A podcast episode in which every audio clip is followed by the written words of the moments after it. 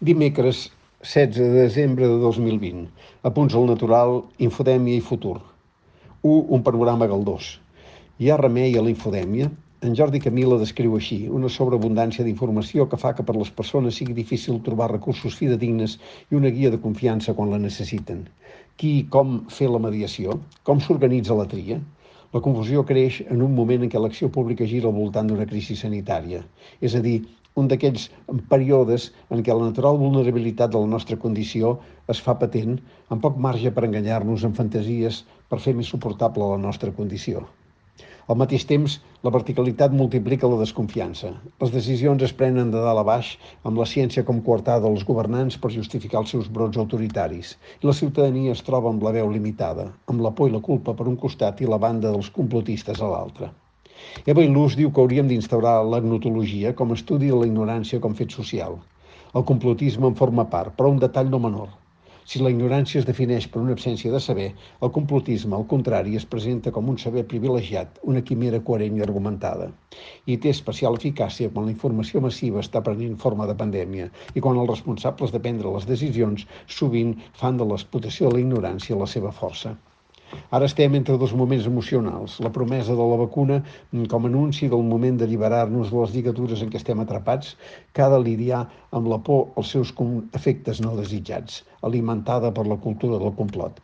I el que en podríem dir el síndrome de Nadal, els dubtes dels responsables polítics entre una treva per donar peixeta a una ciutadania que va passant de la por a l'angoixa i una presumible escalada en l'enduriment de les mesures de control de la pandèmia davant de la por dels governants a un nou desbordament.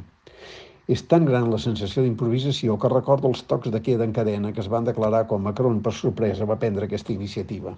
La decisió de Merkel de portar Alemanya al confinament mm, dur pot produir el mateix efecte cascada, com ja s'està veient.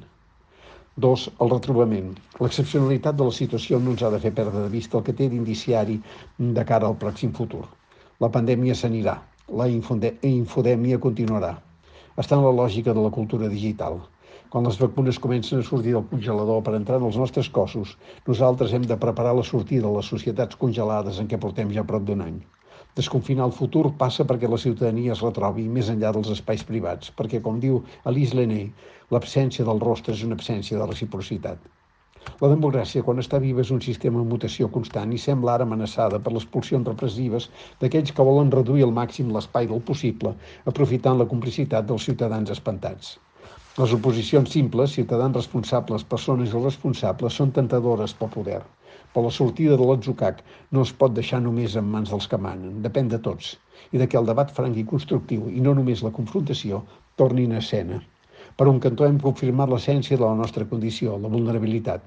Per altre, hem constatat que amb totes les diferències i els enormes abismes culturals, socials, morals, polítics que ens separen, som una sola humanitat. Però, com diu Ricard Moreng, no ens hem constituït com a tal, ans al contrari.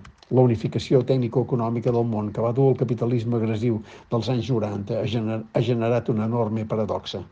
Aquesta interdependència entre els països, en lloc d'afavorir un real progrés en la consciència i en la comprensió dels pobles, ha desencadenat formes d'egoisme i d'ultranacionalisme.